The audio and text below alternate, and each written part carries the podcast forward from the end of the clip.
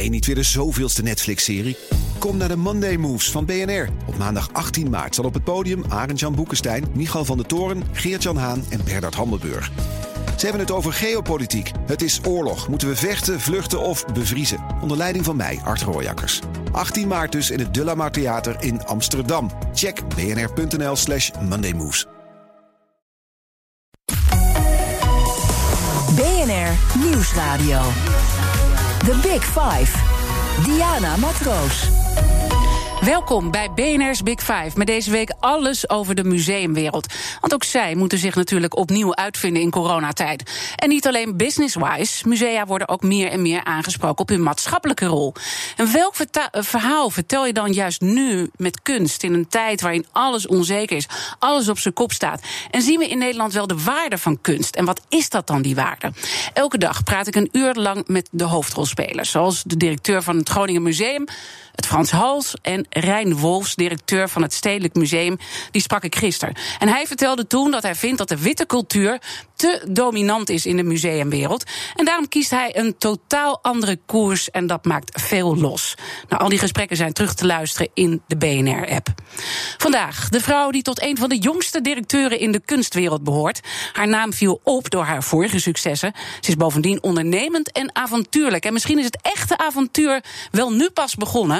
Want ze was nog maar net begonnen als directeur van de kunsthal in Rotterdam. En toen moesten de deuren alweer sluiten als gevolg van corona. Haar naam is Natanja van Dijk. Welkom. Wat ging er toen door je heen dat die deuren dicht moesten? Um, nou, dat is eigenlijk wel een hele goede vraag. Er ging heel veel door mij heen op dat moment. We waren, uh, wij gingen iets eerder dicht. De musea uh, gingen iets eerder dicht dan um, uh, de rest van het land. Ja. We gingen op donderdag 12 maart dicht. En in die week was ik nog kennis aan het maken met collega-directeuren in de stad. En was het natuurlijk het gesprek van de dag. En ik heb die week ook aan mijn zakelijk directeur gevraagd Kun je voor ons uitrekenen of voorrekenen wat het betekent als we twee weken dicht moeten, een maand dicht moeten, drie maanden dicht moeten? Maar uh, dat het zo snel zou gaan, uh, dat hadden we allemaal niet voorzien. En ik moet eerlijk zeggen dat ik daar natuurlijk wel een paar slapeloze nachten van heb gehad. Um, ik zat in gesprek met mijn accountants en ik werd, op de deur, er werd op de deur geklopt door mijn hoofd ehm, van de marketing- en communicatieafdeling. Ja. En die zei: Tanja, kan je even komen? we moeten onze deuren dicht doen. Nou ja, en eigenlijk wat er dan gebeurt is, dan ga je aan. Dus we zijn met elkaar gaan zitten uh, en hebben nagedacht wat dit voor ons betekent. Uh, dat weekend heb ik inderdaad die slapeloze nachten gehad. Maar in de week daarop uh, zag ik eigenlijk meteen met mijn team um, dat we uh, heel erg snel stappen konden maken. Dat we meteen in scenario's zijn gaan denken. Ja. Uh, dat, we, dat zegt ook alles iets over jou. Hè? Je, je bent, uh, de, de, ja, wat ik over jou heb gelezen is dat je heel avontuurlijk bent. Dus dan proef je meteen weer dat avontuur. Maar ik wil nog eventjes terug naar dat moment. Hè? Want je zei, ik heb een paar slapeloze nachten van gehad. En toen je benaderd werd voor deze functie... want je bent in november ergens begonnen... toen gingen alle positieve alarmbellen af. He, je voelde meteen, wauw, ik wil hier zijn. Je bent zelfs van Amsterdam naar Rotterdam verhuisd... omdat je dacht, ik wil dicht bij die kunsthal zijn.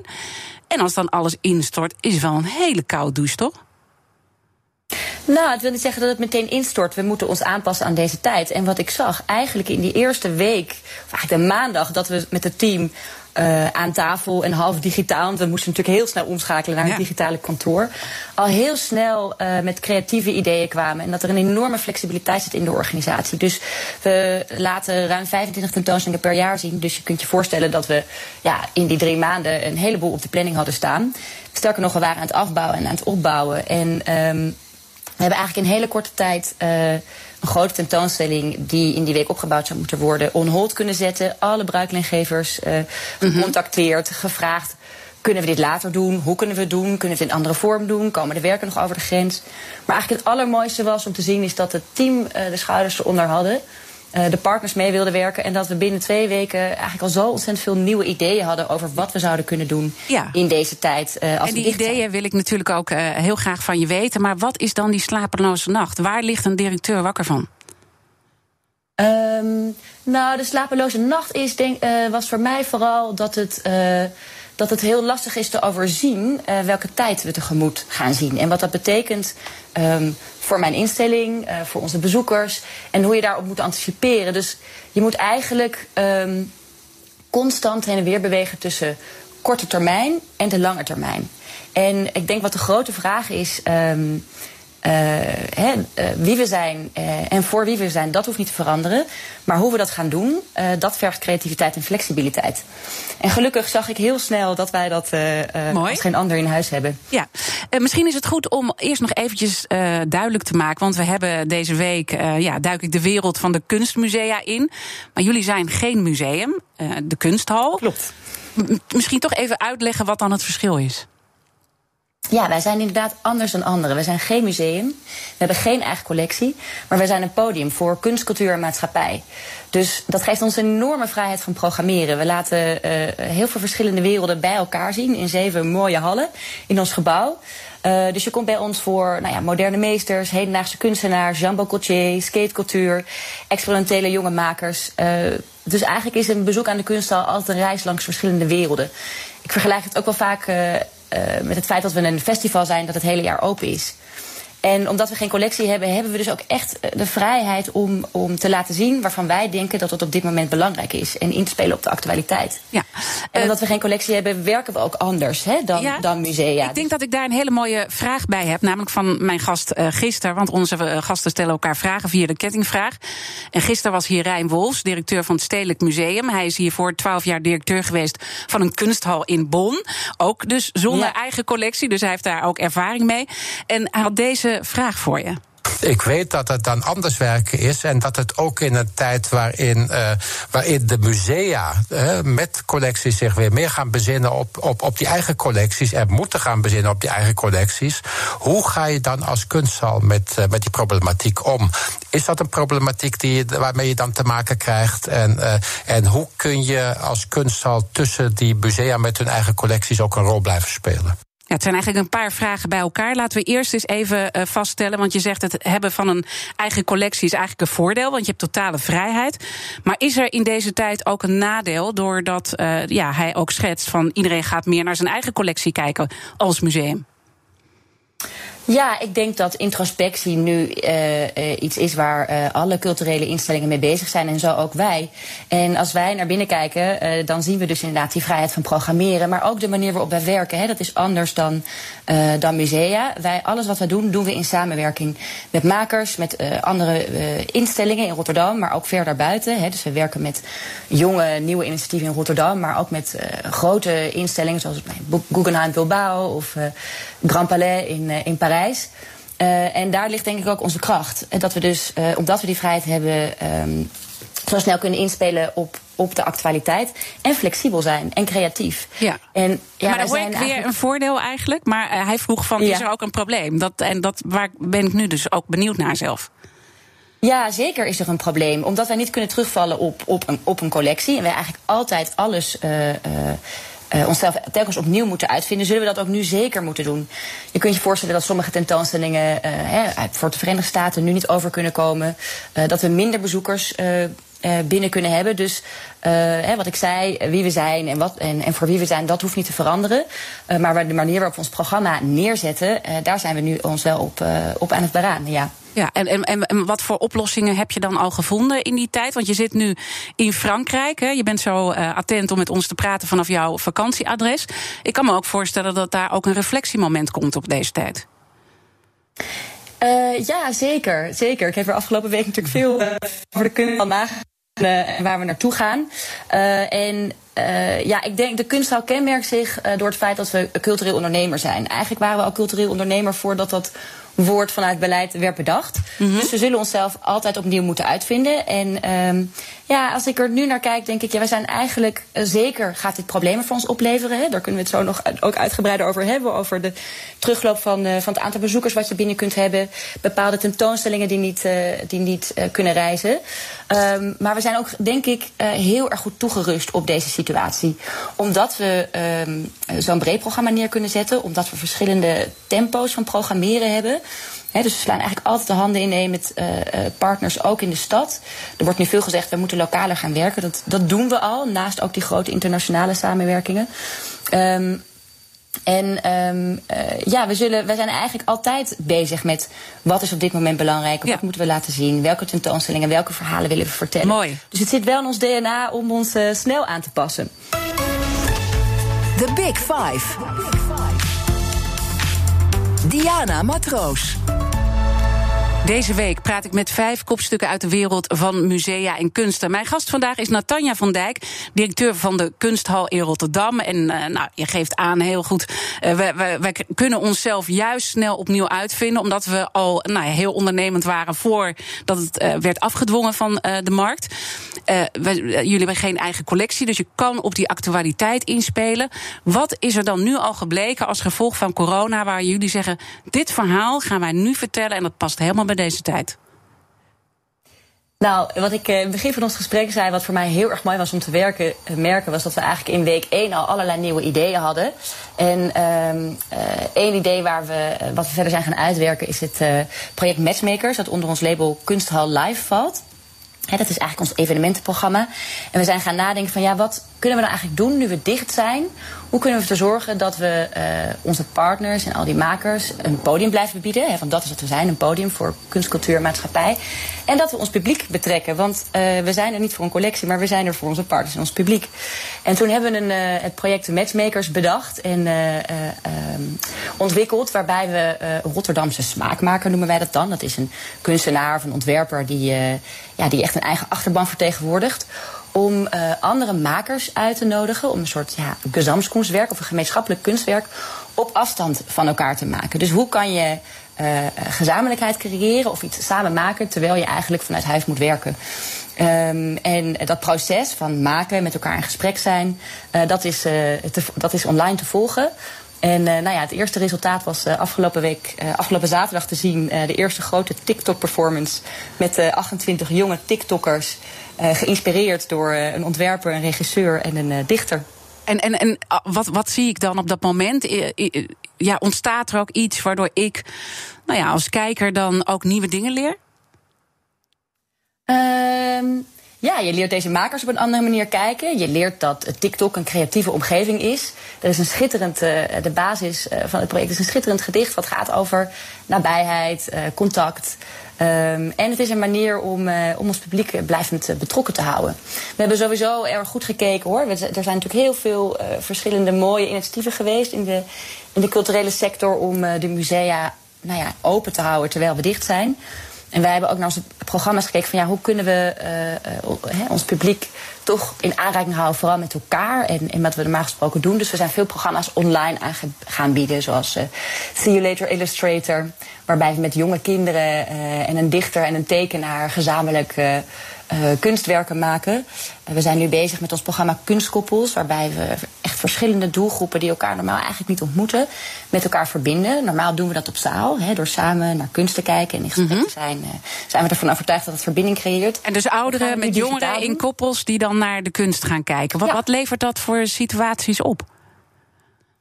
Nou, dat levert op dat je opnieuw gaat kijken uh, naar de kunstwerken die daar op zaal zijn. Want iedereen heeft daar zo zijn eigen visie op. En dat levert op dat je dus ook door te kijken anders naar elkaar gaat kijken.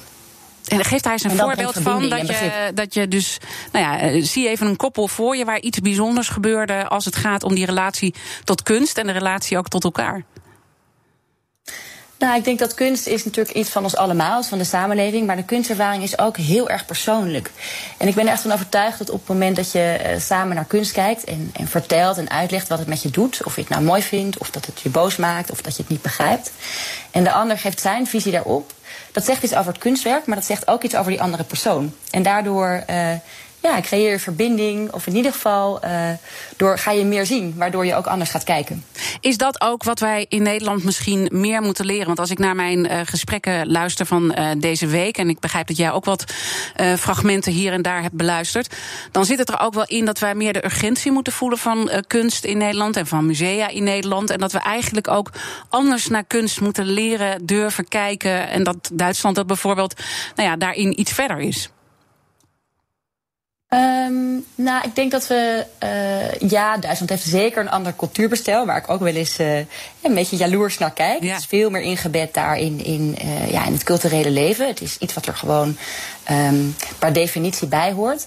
Maar ik denk dat we in Nederland ons niet moeten vergissen dat we zo'n ongelooflijk rijke culturele sector hebben. En een zeer rijke infrastructuur van hè, grote internationale musea tot kleine, kleine initiatieven. Dus het het, het, is, het is zo alomtegenwoordig en aanwezig dat ehm, we moeten niet vergeten hoe, uh, hoe rijk we eigenlijk zijn in Nederland. De uh, spontane bezoekjes, uh, die zijn natuurlijk verleden tijd. Hè? Want nou ja, jullie mochten weer open op 1 juni. En dan zie ik een kunsthal voor me waar juist, ja, je kon je altijd heel vrij bewegen. En nou zijn er opeens allemaal regeltjes. Ja, dat klopt. Uh, we hebben natuurlijk meteen, uh, nadat we dicht gingen, uh, zijn we gaan nadenken van goh, pijlen op de toekomst. Wat gaat er gebeuren als we weer open gaan? Dus we hebben een, een anderhalve meter werkgroep opgericht. En daarin zijn we echt gaan kijken hoe we nou ja, kunnen voldoen aan de, aan de regels van het RIVM. Maar vooral ook de kunsthal kunnen blijven. We, zijn, we hebben zeven hallen waarin je kan dwalen van de ene wereld naar de ander juist dat die diversiteit en dat verrast worden door die hele brede programmering, dat hebben we erin willen houden. Um, en het heeft ons ook wel echt iets moois opgeleverd. We hebben een uh, uh, schitterend gebouw. Een van de eerste gebouwen die uh, de architect Rem Koolhaas heeft neergezet. En die heeft het ook echt als een, hij noemt het dan een de festival neergezet. Maar ja, ineens moest je van dwalen naar eenrichtingsverkeer. Dus we zijn echt gaan opletten hoe kunnen we ervoor zorgen dat de bezoeker, nou ja, vooral veilig natuurlijk, maar ook op een fijne manier uh, door ons gebouw kan, kan blijven lopen. En wat we terugkrijgen is echt mooi. We krijgen e-mails, uh, berichtjes op Instagram, dat mensen het zo heerlijk vinden om weer in de kunsthal te zijn en dat het uh, zoals van ouds voelt. Dus daar zijn we enorm trots op. En merk je dat er de oudere bezoeker voorlopig nog even wegblijft en dat het meer andere doelgroepen zijn die op dit moment binnenkomen? Um, nou, het is, we zijn natuurlijk nog niet zo heel erg lang open. Dus we zien wel verandering in, in uh, wie de bezoekers zijn. De kunst heeft sowieso uh, echt een uitzonderlijk uh, jonge bezoekersgroep. Eén op de vijf bezoekers is jonger dan 26 jaar. dus die zien we ook zeker terugkomen. We zien veel museumjaarkaarthouders. Dus het blijft ja, ik kan het niet vaak genoeg zeggen, omdat we zo'n breed en divers programma hebben, hebben we ook een heel breed en divers publiek. En dat blijft nu nog steeds wel uh, op, uh, op zaal komen. Maar iedereen vindt het toch nog spannend, of je nou jong of oud bent, om naar een museum te gaan. En ook naar een kunsthal, kan ik me zo voorstellen. De bezoekersaantallen, die red je gewoon niet. Uh, nee, ik denk, dat zagen we vooral in het begin, uh, dat, het echt, uh, dat we onze tijd sloten. Hè. We, hebben, we werken natuurlijk met tijdsloten. Je kan van tevoren een kaartje kopen. Zodat we echt goed het zogenaamde aan crowd management kunnen doen. Zodat we precies weten hoeveel mensen er in het gebouw zijn. Um, en dat we nou, die veilige omgeving blijven garanderen. Um, ik kan me voorstellen dat, het, dat mensen het spannend vinden om, om weer op stap te gaan. Um, ja, wij hebben uh, er echt op naar gekeken hoe we uh, naast een veilige omgeving ook een prettige omgeving uh, kunnen ge genereren. En we hebben natuurlijk een enorm groot gebouw, dus je kan vrij rondlopen en die anderhalve meter afstand houden. En ja, toch, toch echt die fijne kunst- en cultuurervaring houden.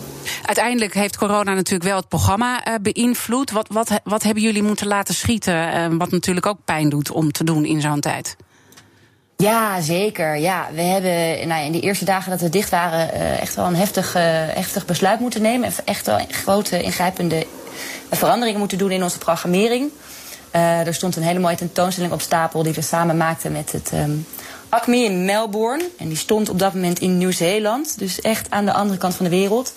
Uh, over Alice in Wonderland. Nou ja, we hebben vrij snel besloten dat, uh, dat dat echt een te groot risico was. We wisten niet zeker of die op tijd over kon komen. Of überhaupt open zouden zijn in de zomer. En natuurlijk ook hoeveel bezoekers we binnen kunnen hebben uh, in de anderhalve meter samenleving.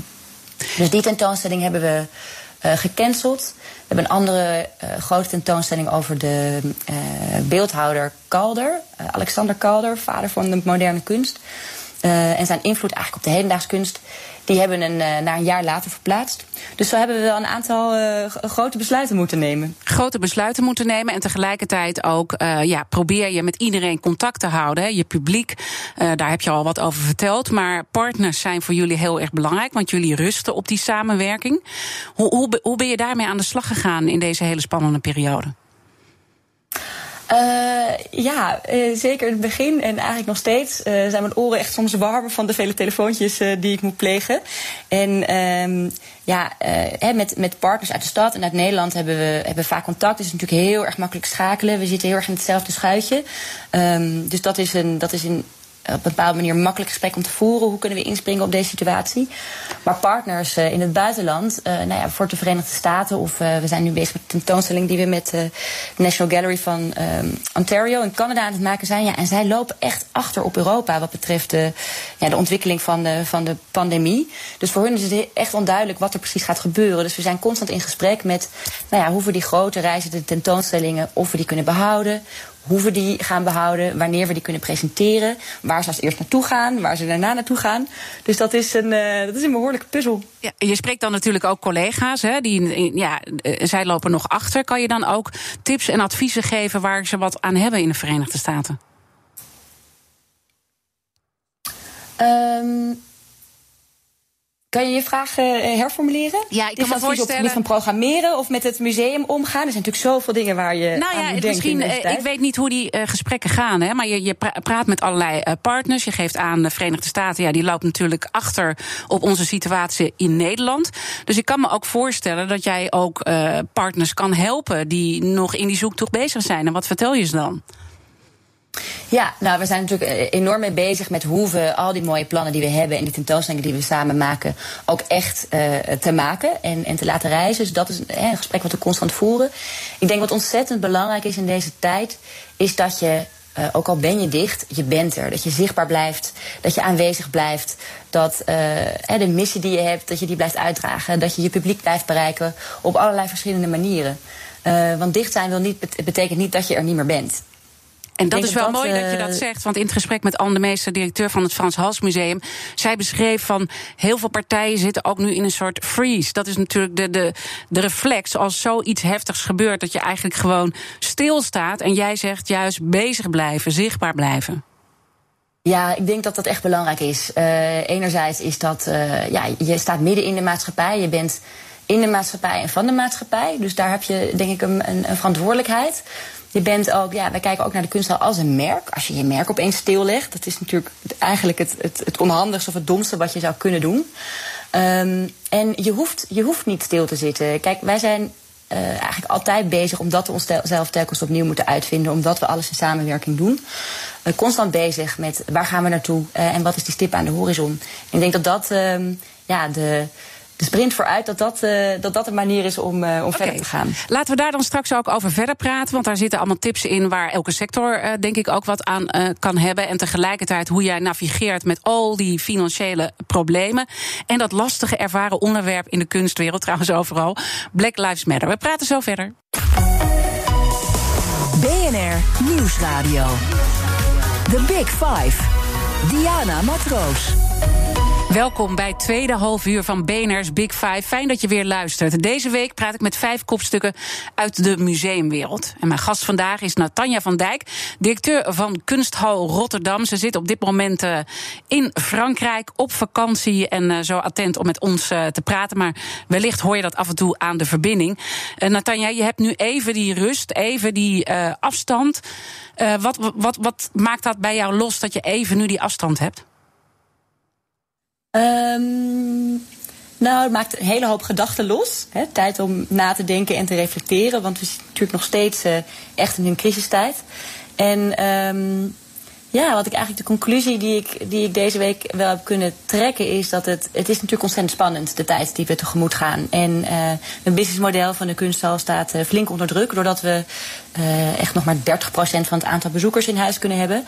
Uh, maar ik heb ook uh, ja, eigenlijk enorm veel vertrouwen in de toekomst. Als ik terugkijk op de afgelopen drie maanden, we hadden het er net al een beetje over. Als ik zie hoe snel we uh, ja, met mijn team en onze partners hebben kunnen inspelen op deze situatie. En als ik zie wat we ook alweer op de stapel hebben staan en de nieuwe ideeën die er komen. Um, ja, dan, dan heb ik eigenlijk wel vertrouwen in wat komen gaat. Toch, hè, de bezoekersaantallen zijn natuurlijk enorm teruggelopen. Ook omdat je gewoon drie maanden bent dicht geweest. Hoe groot is de financiële schade op dit moment? Um, ja, dat is uh, nog lastig te overzien, want we weten natuurlijk eh, niet hoe lang het gaat duren. Maar we hebben uh, ja, binnen de, de, uh, de, de anderhalve meter maatregelen of de maatregelen van de RIVM... Hebben we, kunnen we nog maar 30% van het aantal bezoekers in huis binnen hebben. Dus we kunnen nu ongeveer maximaal 5000 bezoekers per week hebben. nou ja, echt op hele goede dagen hadden dat wel eens, in hele goede weken hadden dat wel eens op een dag. Um, en ja, uh, wat ik zei, hè, ons businessmodel uh, staat sterk, flink onder druk. Wij maken natuurlijk een heel breed programma met uh, nou ja, grote klinkende internationale namen als Gauthier, Thierry Mugler, die we net in huis hadden. Die een heel groot publiek op de been brengen um, en waar we een heel groot publiek mee weten te bereiken. En waar we dus ook inkomsten mee kunnen genereren. en ja, onze financiële huishouding rondkrijgen. En dat model staat flink onder druk. En dan lijkt het me heel lastig welke afweging je dan moet maken. Want ja, je wil natuurlijk ook een bepaalde kwaliteit uitstralen. De kunsthal staat uh, voor iets. Maar ja, kan je nog wel die grote risico's nemen met zo'n uh, dure tentoonstelling? Ja, dat is, uh, dat is natuurlijk, daar zit hem echt de hele, daar zit hem de crux. We hebben bijvoorbeeld die mooie tentoonstelling met Alexander Calder op stapel staan. Dat is een hele kostbare tentoonstelling. En ja, als je um, veel minder bezoekers in huis kunt hebben en toch hetzelfde bereik wil hebben, zul je hem langer moeten laten staan. Ja, gelukkig hebben we zeven hallen en hebben verschillende tempo's van programmeren. Dus echt die, die dure internationale tentoonstellingen, die, die zullen we langere, voor langere perioden programmeren. Um, en in onze kleinere hallen kunnen we juist die flexibiliteit en die diversiteit uh, behouden. Um, wat voor ons uh, uh, inderdaad een uitdaging is, is dat we uh, tentoonstellingen nooit van tevoren helemaal gefinancierd hebben. Hè, wat veel musea wel doen vanuit subsidies. een heel groot deel van onze inkomsten genereren we uit ticketing. Um, en dat model staat inderdaad nu onder druk. En om te kunnen blijven ondernemen, zoals wij doen, zullen we risico's moeten kunnen blijven nemen. En dat gaat zowel over financiële risico's, maar ook over programmatische risico's. Hè. Wat wil je laten zien? Mm -hmm. Welke namen die nog niet in Nederland zijn geweest, wil je naar Nederland halen? En uh, ja, dat is wel iets wat uh, me op dit moment enorm bezighoudt. Hoe kunnen we die risico's blijven nemen? Uh, zodat we uh, de kunsthal kunnen blijven. Mm -hmm. En zodat we ook ja, dat inhoudelijk sterke programma neer kunnen zetten. Want je wil en, natuurlijk, ja. je wil, hè, er is iets wat je wilt zijn. En er is iets wat je kan ja. zijn in deze moeilijke tijd. Hoe ver ligt dat nu al uit elkaar? Als je dat in procenten zou moeten aangeven? Hoe, hoe, bedoel je dat precies? Nou, bedoel je dat inhoudelijk of uh, nou ja, hoe je je, je business uh, overeind houdt? Nou ja, je zegt uh, inhoudelijk. Laten we het even over die inhoudelijke ondergrens hebben. Want je wil met de kunsthal iets uitstralen. En het heeft natuurlijk met elkaar te maken, want je maakt financiële afwegingen. En je zit te kijken hoeveel risico kan ik nemen. En tegelijkertijd wil je iets uit, uitstralen, iets zijn. En daar horen die grote namen bij. Dus, dus hoe ver ligt dat nu al uit elkaar? Nou, de kunsthal blijft echt de kunsthal, ook de komende tijd. Uh, en we zullen inderdaad in onze programmering maken we aanpassingen. Maar uh, dat is echt uh, absoluut een vraag die me bezighoudt. Hè. Je hebt natuurlijk een financiële ondergrens als organisatie, als instelling, als bedrijf. En je hebt een inhoudelijke ondergrens. Je, je, je hallen die krijg je wel vol, maar hoe je die wil vol krijgen en hoe je aan je missie kunt blijven voldoen. Hè, om met een breed en divers programma en zo breed en divers mogelijk publiek te bereiken. Dat is inderdaad eigenlijk de, de meer complexere vraag die we, die we ons in deze tijd moeten stellen. Uh, en wat ik al eerder zei, hè, wat heel erg belangrijk is, is dat we risico's kunnen blijven nemen. Um, omdat wij anders zijn dan andere instellingen, hè, we zijn geen museum, we zijn geen collectie, vallen we nu uh, buiten de boot voor extra steunmaatregelen voor cultuur. Omdat we het afgelopen jaren heel erg goed hebben gedaan, hebben we een behoorlijk weerstandvermogen, wat we uh, ook aan het aanspreken zijn op dit moment. Um, maar voor de, he, dus voor ons zitten de problemen meer op de middellange termijn. En mm -hmm. waar ik het over heb, he, die risico's, daar uh, uh, zie ik ook echt wel kansen um, vanuit de, de, overheid en het bedrijfsleven om uh, de kunsthal, maar ook andere instellingen, daarin te blijven ondersteunen. Ik kan me voorstellen als er een garantiefonds komt bijvoorbeeld, um, he, dat de garant staat voor. Nou, wat ik zeg, hè, wij financieren onze tentoonstellingen niet, van, niet helemaal van tevoren, maar vanuit ticketing. We halen dus heel veel uit de markt. Mocht er een tweede golf komen, mochten we minder bezoekers hebben, mocht de tentoonstelling minder succesvol zijn dan we hadden gedacht, uh, dat dat niet meteen een stropteken betekent voor de organisatie. Dus daar hoop je op dat er een garantiefonds komt. Hoe lopen nu die gesprekken en hoe groot acht je de kans in dat die hulp er inderdaad gaat komen? Uh, nou, dat is een gesprek wat ik uh, nu met, uh, met onze wethouder voer in Rotterdam. maar het is ook een gesprek wat ik uh, al met een aantal van onze uh, uh, partners uit de zakenwereld voer. En ik denk dat het gesprek is wat we veel breder zullen moeten voeren met elkaar. Dus niet alleen vanuit de kunsthal, maar ik denk ook echt vanuit de sector. Dat we kijken naar, hè, er wordt gesproken over een noodfonds, maar ik denk dat zo'n garantiefonds daarnaast ook echt nodig gaat zijn. Maar dat moet dus nog gebeuren, dat jullie echt met elkaar gaan optrekken als nou ja, kunstenwereld om tot dat garantiefonds te komen. Ja, dat is een gesprek. Ik heb het zeker ook in de week gelegd bij onze wethouder. Uh, maar dat is een gesprek wat, wat mij betreft, echt nog beter gevoerd moet gaan worden. Dus misschien mag ik ook van deze gelegenheid gebruik maken om daar een oproep toe te doen. En een uitnodiging om uh, dit gesprek met elkaar aan te gaan. Hoe we vanuit uh, de samenleving, en, maar ook het bedrijfsleven, kunnen kijken hoe we de sector sterk kunnen houden. En hoe we dus ook juist die, die hele spannende en rijke programmering waar de kunsthal voor staat, maar ook waar vele andere instellingen in Nederland voor staan, kunnen behouden. Dan is het ook mooi om even met jou te kijken naar die sponsormarkt. Hè. De bedrijven die hebben natuurlijk ook allemaal de hand op de knip. Uh, hè. Dat zie je bij heel veel. Ook de ja, advertentieinkomsten in de media. Op, op dit moment echt een, uh, een groot probleem. Langzaam beginnen de zaken weer een beetje te rollen. Wat zie jij in de sponsormarkt gebeuren als het gaat om jouw wereld? Kunt u uw vraag herhalen? Ik, eh, de verbinding was even wat slechter. Ah ja, ja dat krijg je natuurlijk. Uh, ik sta in Amsterdam en jij in uh, Frankrijk. Dus af en toe valt de verbinding even weg. Dan begrijpt de luisteraar dat ook. je hebt al eventjes gesproken over dat garantiefonds. Maar als je kijkt naar het bedrijfsleven, de sponsormarkt. Wat, wat zijn de dingen die jij daar nu bemerkt? Hoe erg is het nog de hand op de knip? Uh, nou, op dit moment zijn uh, wij in gesprek met onze sponsors. Uh, onder andere onze hoofdsponsor ING, die echt een belangrijke partner voor ons is. En wat ik merk is dat er wel een enorme bereidheid is om um, ja, te blijven samenwerken met de cultuursector en met elkaar te blijven investeren. Um, waar ik me wel zorgen over maak, is wat er op de middellange en de lange termijn inderdaad gaat gebeuren. Wat gaat er precies met de sponsormarkt gebeuren? Op dit moment is er nog geen hand op de knip. Um, maar wat, ja, wat gebeurt er over twee jaar als uh, uh, ja, de wereld er wellicht anders uitziet dan, uh, dan die afgelopen jaar er, eruit zag? ik denk overigens dat er enorm veel instellingen zijn of bedrijven um, die helemaal niet geraakt worden door de crisis en misschien ook wel juist kansen zien. Um, dus ik geloof ook dat er ook echt nog wel kansen liggen op de sponsormarkt. Mooi. Praten we daar. BNR Nieuwsradio. The Big Five. Diana Matroos.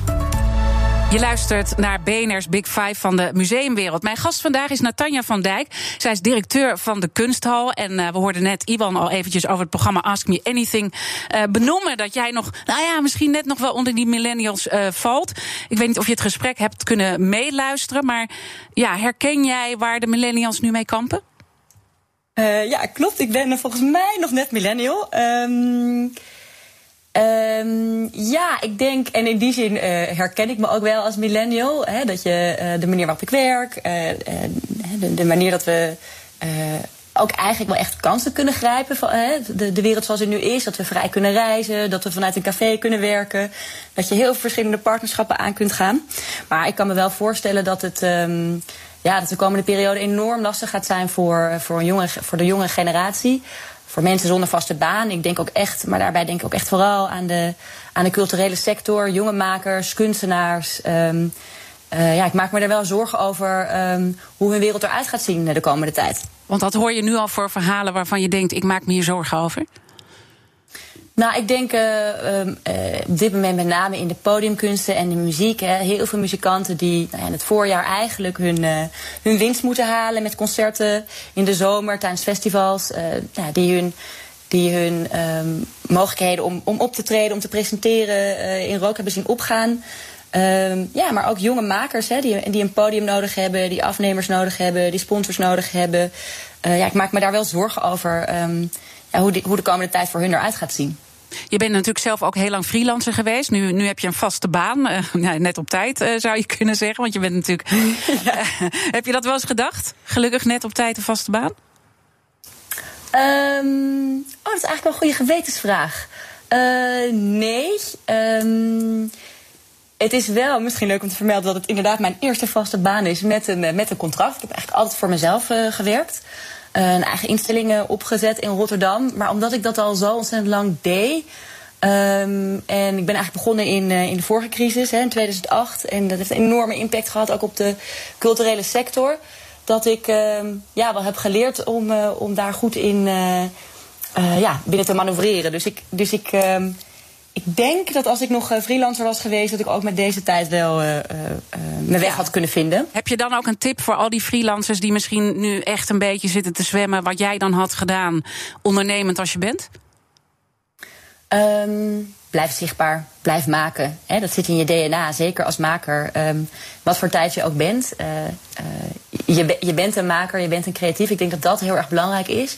En um, wat me wel ook wel weer hoop geeft, is dat de creatieve sector is natuurlijk de, de meest innovatieve sector die we hebben. Dus er zullen ook goede en mooie oplossingen komen vanuit de sector.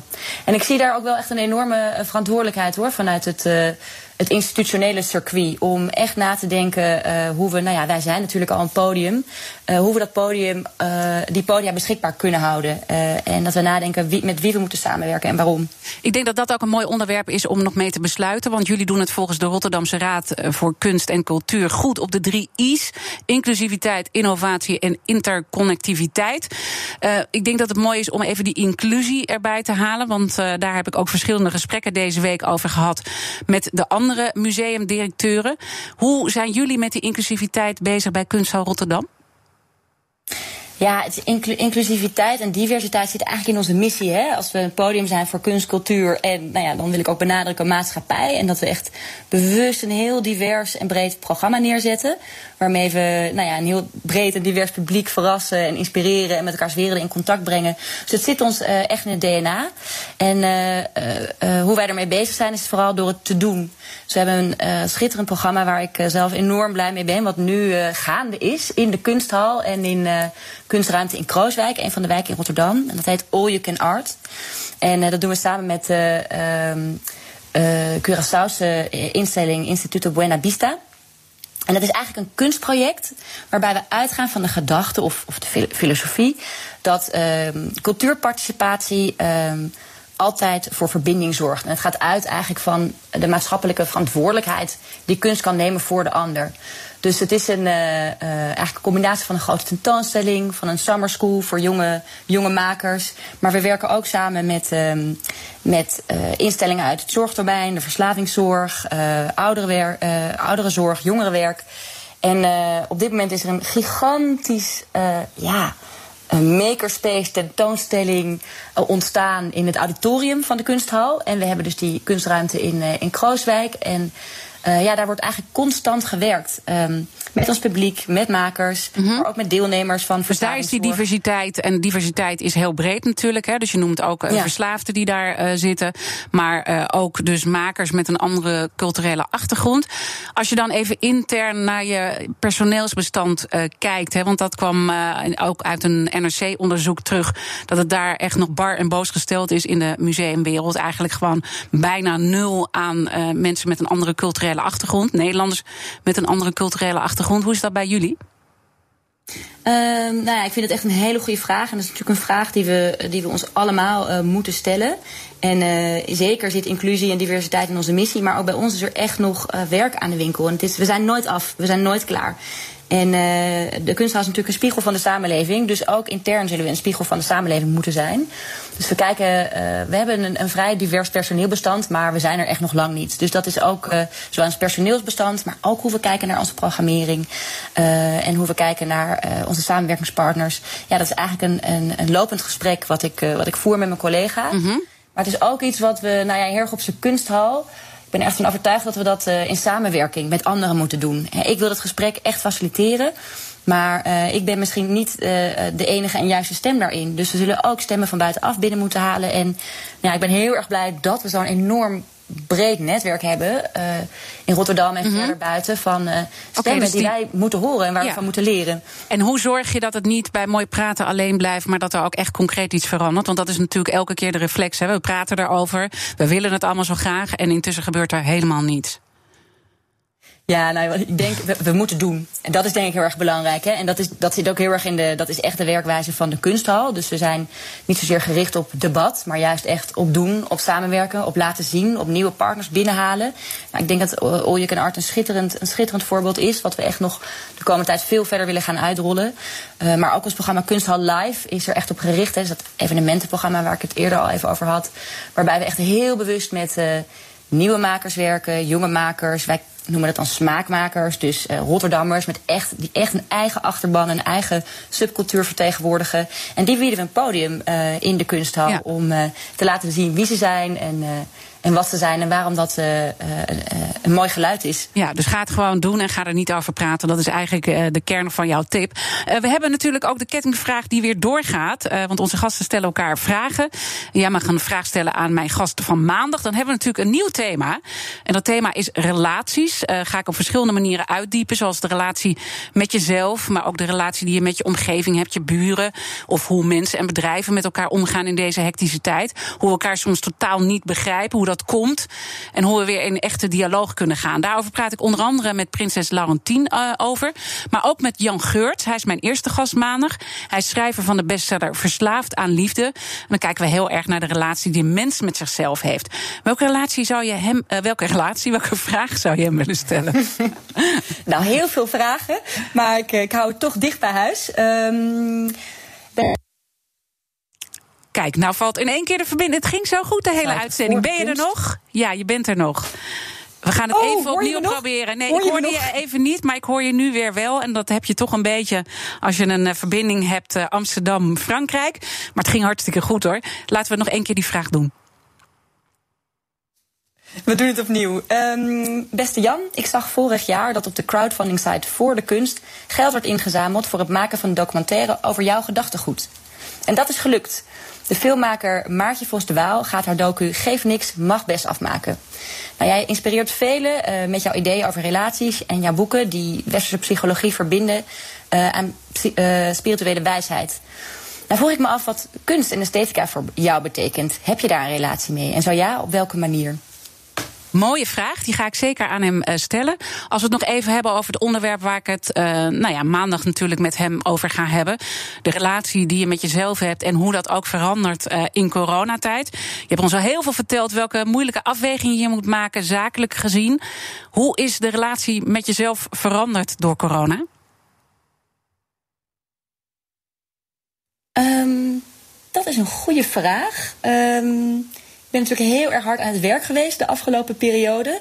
Waar ik wel uh, van schrok, denk ik vooral in het begin, hè, toen het voor ons allemaal nog zo ontzettend onzeker was toen we dichtgingen. Wat betekent dit eigenlijk, die anderhalve, meter, die anderhalve meter afstand? En dat we elkaar niet aan mogen raken. En dat we niet heel veel mensen tegelijk in, in de kunsthal mogen ontvangen. Maar dat ik ook mijn vrienden misschien niet kan zien. En wat doet dat eigenlijk met mezelf? Um, en wat doet het met de samenleving als geheel? Ik, ik, ja, ik maak me wel echt zorgen dat het dat die afstand ook angst uh, en verdeeldheid um, in de hand speelt. Mm -hmm. En um, ja, wat ik ervan geleerd heb, is uh, ik. Uh, ik dacht altijd, ik ben een extravert persoon, maar met een hele sterke introverte kant. Nou, ik ben extraverter dan ik dacht. Ik heb enorm veel behoefte om contact te maken, verbinding te hebben, met mensen in gesprek te zijn, samen te zijn. Nou ja, dat geeft me ook wel een enorme boost om, om vooruit te gaan. En, uh, uh, en ja, dat, de, de kunst zou ook echt als een plek te, zijn voor, te laten zijn voor verbinding, waar mensen samen kunnen komen. En dus altijd in beweging blijven, hoe moeilijk het ook is. En ja, gewoon toch lef blijven tonen. Dat haal ik een beetje uit het gesprek met jou. Ja, ik denk dat dat de weg voorwaarts is. Heel erg dank uh, voor dit gesprek. Natanja van Dijk, directeur van Kunsthal Rotterdam. En natuurlijk zijn alle afleveringen zoals altijd van de BNR's Big Five terug te luisteren. Je vindt de podcast in de BNR-app en op bnr.nl. Straks het programma Ask Me Anything met Ivan Verrips. En ik wens iedereen een heel mooi weekend. En ik hoop dat jullie volgende week weer luisteren naar de Week van de Relaties. Tot dan. De toekomst roept. Minder CO2 Lies je mee? Dit is het moment om te kiezen voor de Tesla Model 3, Toyota Pro-Ace Electric of Volkswagen ID3. Uitstoot verminderen doe je samen met mobilityservice.nl.